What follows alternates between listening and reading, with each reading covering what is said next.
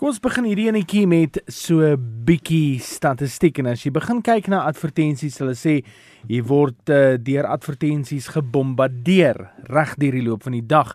Van die oomblik wat jy by jou hek uitry in die huis omtrent tot jy by jou werk kom, sien jy uh, groot advertensieborde langs die pad.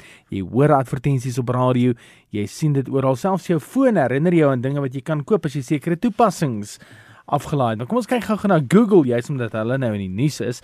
Op 'n standaard dag sal die sogenaamde Google Display Network ongeveer 44,5 miljoen advertensiekliks reg rondom die wêreld kan genereer.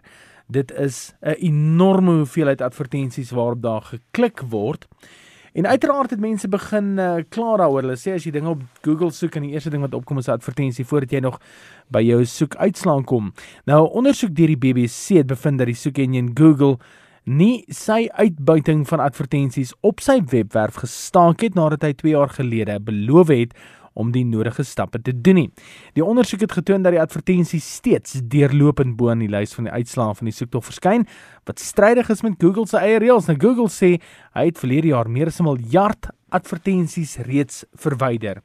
Nou dink 'n bietjie daaroor, as hulle reeds 'n miljard advertensies verwyder het en hulle is nog nie klaar met die proses nie, hoe groot is hulle advertensie database? Dis Google vir jou.